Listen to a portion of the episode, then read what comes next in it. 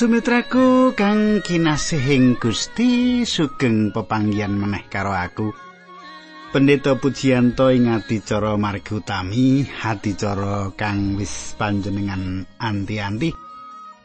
Pengajapku muga panjenengan tansah kinantenan ing Gusti lubering rahayu tinebihna ing sambe kala iki pandung aku. Aku sak kanca saka batu. Kepiye panjenengan? Apa wis nyawisake wektu kanggo aku nyawisake kitab suci kanggo aku? Lan panjenengan bisa nyemak apa sing dipangandikake kitab suci? Bebarengan karo aku. Sugeng midhangetake adicara iki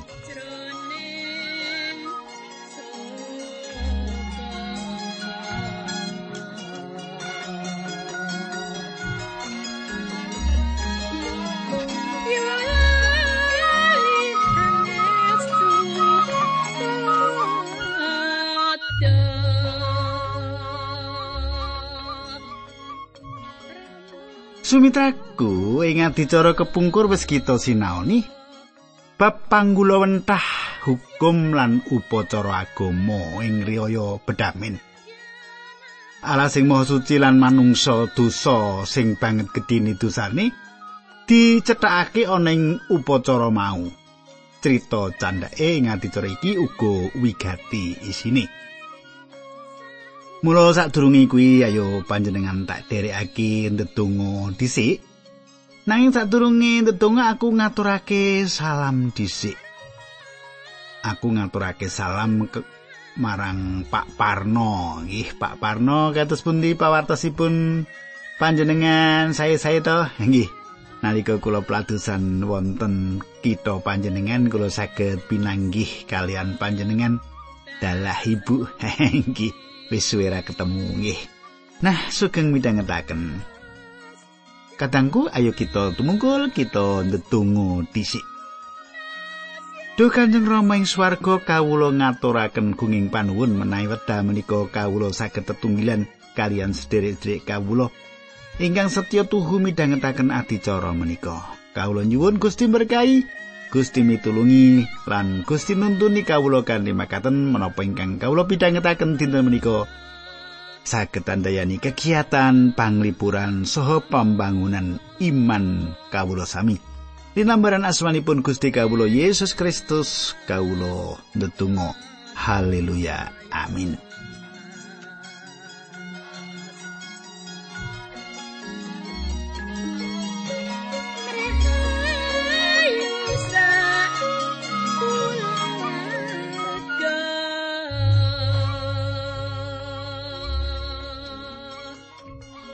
Para pamirsa kita miwiti adicara iki kanthi anggegilut apa kang ditulis sing kitab Kaimaman bab 16 ayat 5 nganti 6. Panjenengan buka kitab panjenengan yaiku kitab Kaimaman bab 16 ayat 5 tekan 6 kang mengkene surasane ing basa pedinan.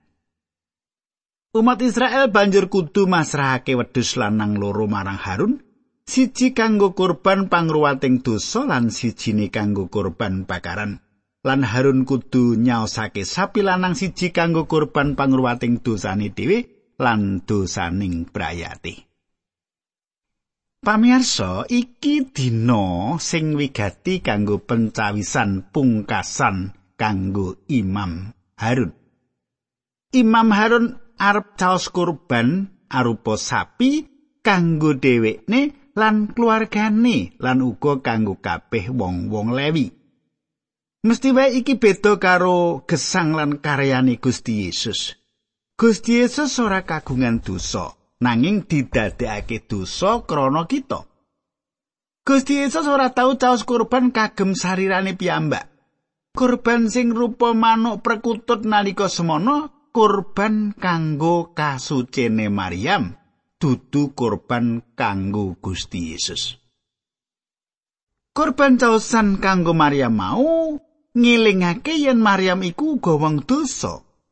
Ing isine kitab suci ora ana sing ngandhake yen ana korban sing dicaosake kanggo kaluputane Gusti Yesus. Nanging senadyan Imam Agung, Imam Harun tetep kudu nyaosake kurban kanggo diri pribadine nuli ngaturake kurban kanggo wong Israel kabeh. Cetha nggih?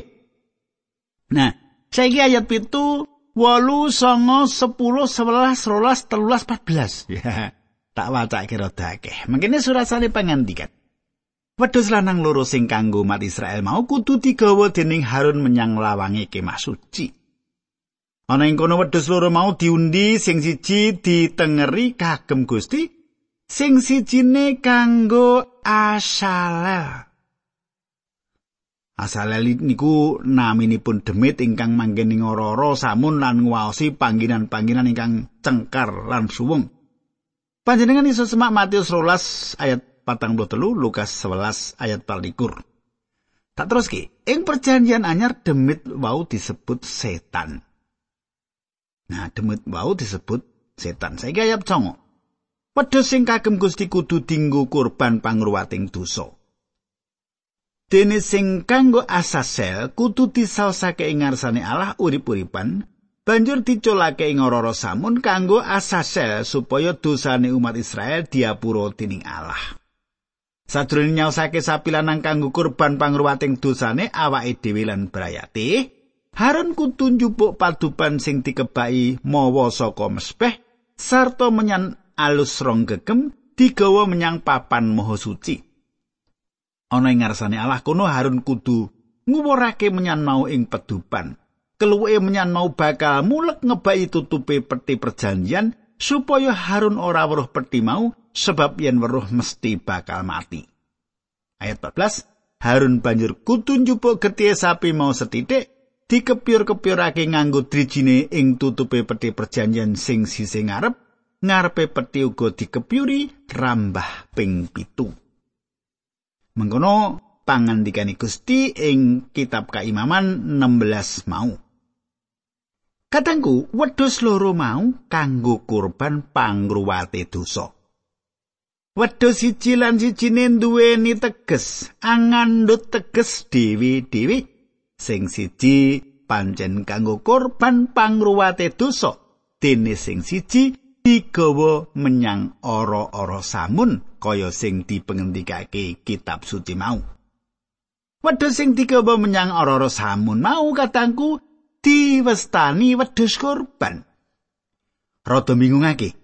Rada bingungake. Ha, Ngene ya, saka panemune Luther lan Septuaginta, wedhus mau dadi korban pangruwat sakabeh dosa. Ana panemu saka Edersheim, mengkene sakabeh dosa wis digawa lunga. Dadi wis ora ana meneh sisa dosane. Sadurunge wedhus mau disiapake, Imam Harun kudu mlebu dhisik ing papan maha suci kanthi pisungsung getihe sapi lanang kanggo kurban dheweke lan keluargani. Dadi nggone imam mlebu ing papan mau suci ku ora mung sepisan wae saben tauni. Bisa uga kaping pindho mespeh tembaga dipapanake ana ing plataran sapi sing kanggo pangruwate dosa disembelih bebarengan karo nyembelih sapi liyane. Nalika arep mlebu papan mau suci lan ngliwati mespeh tembaga mestine Imam Harun mijiki tangan lan sikile dhisik. Nule ing papan maha suci Imam Harun kudu luwih dhisik njupuk anglo utawa ukupan sing genine mengangah saka mesbeh mas sing ana isine wewangen bangsane kemenyan. Lan wewangen mau nuli diobong ing anglo mau nganti gondo arum ngambar-ambar. Papan maha suci kebak pego sing gondo arum. tabut perjanjian utawa papan kalenggahane Allah lan tutup bedamen ana ing sakjroning papan maha suci Imam Harun banjur njupuk getih sapi sing diwadai baskom nuli drijine dicelopake getih mau diciprat-cipratake ing tutup bedamen nganti kaping pitu kaping pitu nggone nyiprat-nyipratake getih sapi mau minangka tandha sing nggambarake sempurnane bedamen iku. Imam Agung kudu nindakake kanthi ngati-ati kanthi titi ing ngarsane Allah. Katangku, yen nganti nlisit yen nganti luput setitik wae bisa nampa paukuman pati. Imam Harun bola bali nggone nglelantih upacara mau supaya aja nganti kliru. Ing kitab suci ora nyritakake yen tau ana Imam Agung jalaran kliru nggone nindakake upacara. Banjur mati ing papan maha suci. Iki mau kabeh ditindakake ana sak cedhake mesbeh tembaga ing kemah pasewakan. Gusti Yesus Imam Agung sejati kita nyaosake rai pribadi kanggo nebus dosa kita. Dampare Allah dadi tutupe bedame ning urip kita.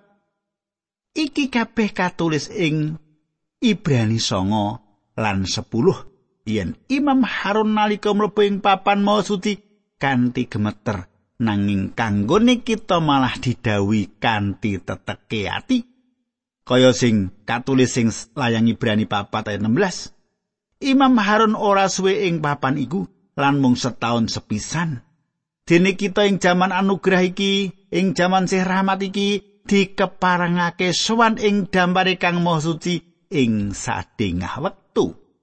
Kapan wae bisa sowan? Ora kanthi diatur wektune. Jalaran Sang Kristus juru wilujeng kita kanthi korban arai pribadi lan kanthi gondo arum pandonga sapate wis pinara ing tengene Allah Sang Rama kanggo mbela kita. Dadi enak kita ya. enak kita lan nek wong percaya Gusti Yesus ki kepenak tenan. Saiki tak terusake Kaimaman 16 ayat 15 nganti ayat 19. Mengkene surasani. Mangkene surasani. Sawuse kuwi Harun kudu nyembelih wedhus sing kanggo kurban pangruwating dosa. Getih wedhus mau banjur kudu digawa menyang papan mau suci dikepyur-kepyur ing tutupe peti perjanjian lan ing ngarepe kaya patrape ngepyur-ngepyurake getihe sapi lanang mau. Kaya mengkono patrape nindakake upacara kanggo nucake papan mau suci saka najise lan saka sakae dosane umat Israel. Kemah suci kuwi kudu disucikake merga dumunung ana ing tengah-tengah kemah mongko kemah mau najis. Wiwit mlebu ing papan maha suci nindakake upacara sesuci nganti sak metune Harun saka ing kono, wong siji wae ora kena mlebu ing kemah suci. Sawise rampung nggone nindakake upacara kanggo awake dhewe, banjur kanggo brayate lan kanggo umat kabeh. Metu saka kono Harun kudu menyang mesbeh sing kanggo kurban obongan, nucakake mesbeh mau.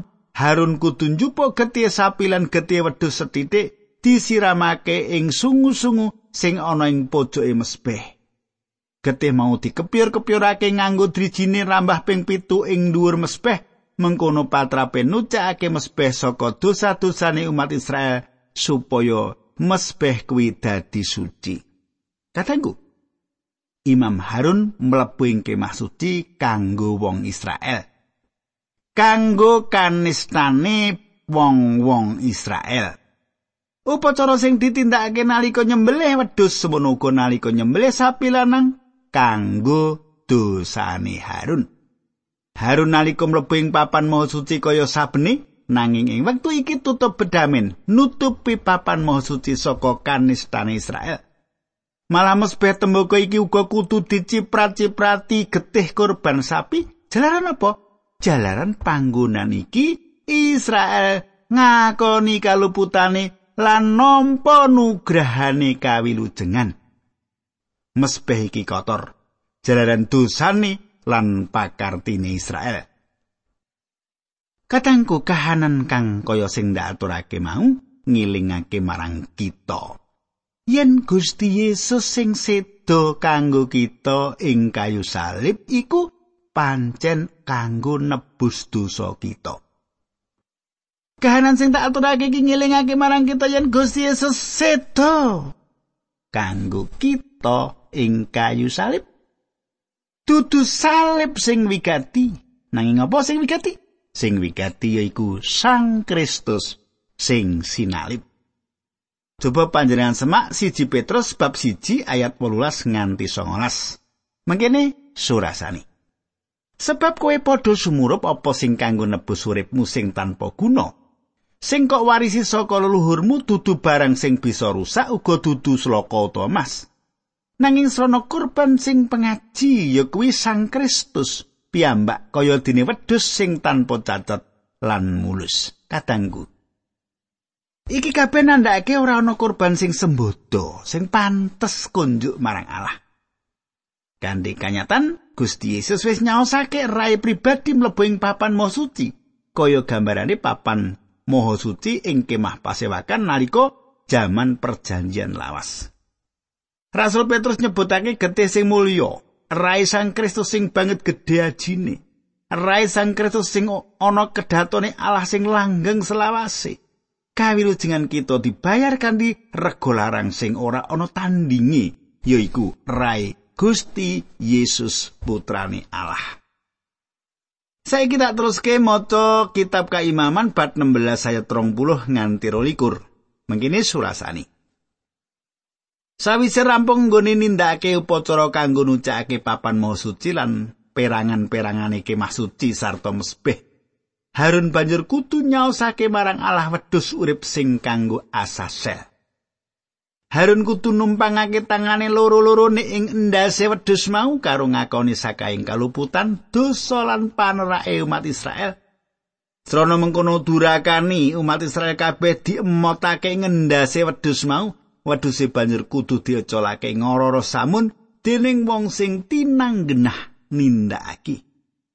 Ayat 23, wedhus kuwi nyangga sakai dosane umat Israel digawa menyang panggonan sing cengkar lan suwung kadangku. Imam Harun sawise nyipratake geti wedhus kurban ing tutup bedamen mau tangane imam sing isih gupak getih mau kanggo nyekeli wedhus sijine meneh. Lan kanthi ngakoni dosa-dosane Israel. Imam sing isih gupak getih mau tangane kanggo nyekeli wedhus sijine meneh lan kanthi ngakoni dosa-dosane Israel Nuli ana wong sing ngeculake wedhus mau ing ora samun wedhus iki bakal ilang lan ora bali meneh. Apa maknane riyaya bedamen kanggo kita wong Kristen? Iku dina pinilih sing disucikake ing upacara iku tangane imam sing gupak getih kaya dene Sang Kristus sing sinalip uga gubras rai dewi.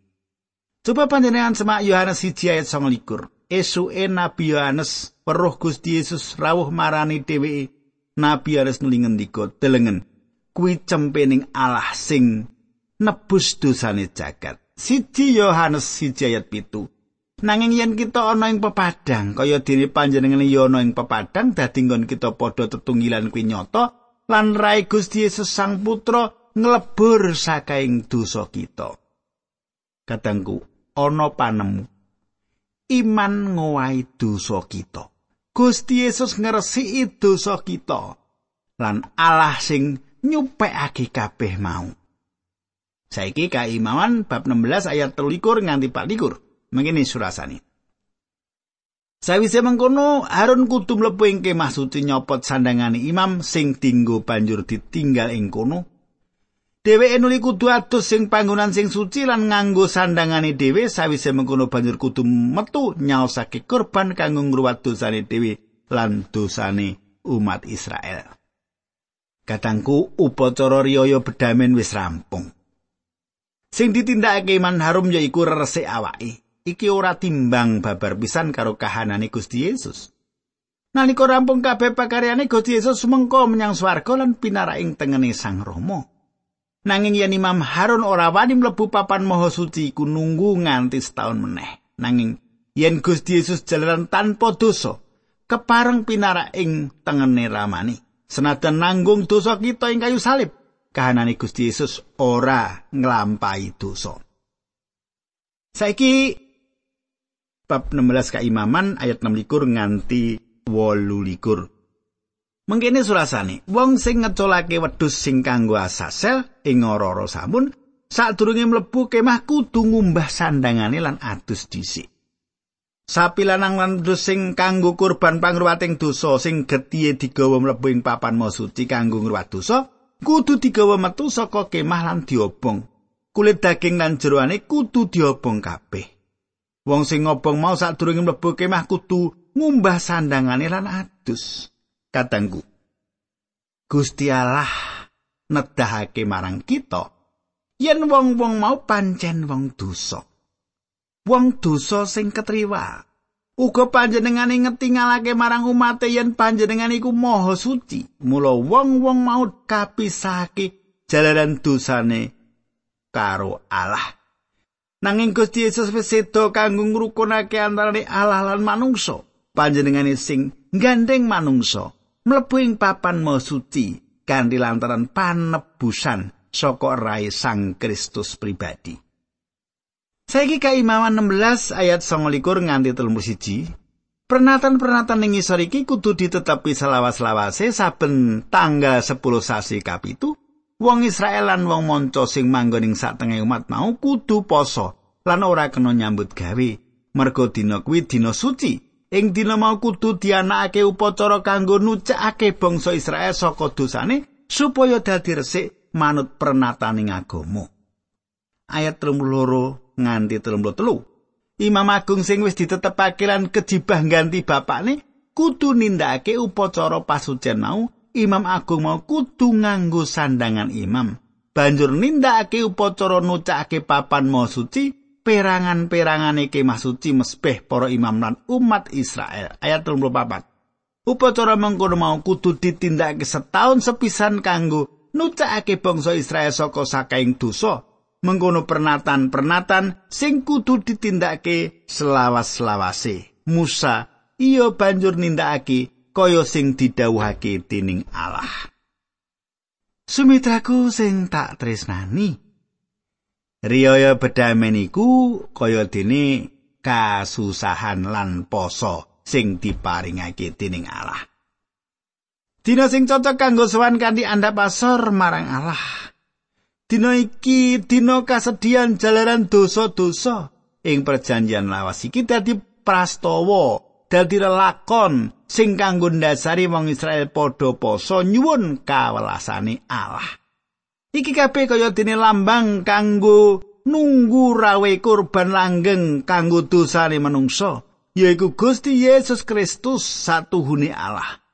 Katanggu, muga panjenengan bisa nampa berkah kanthi andaran mau Ayo kita ndedonga sadurunge tak pungkasi.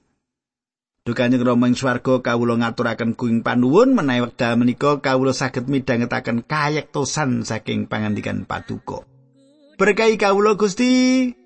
Sae abdi paduka piyambak ugi sederek-sederek kawula ingkang midhangetaken adicara menika. Dinambaran asmanipun Gusti Yesus Kristus kawula ndedonga haleluya. Amin.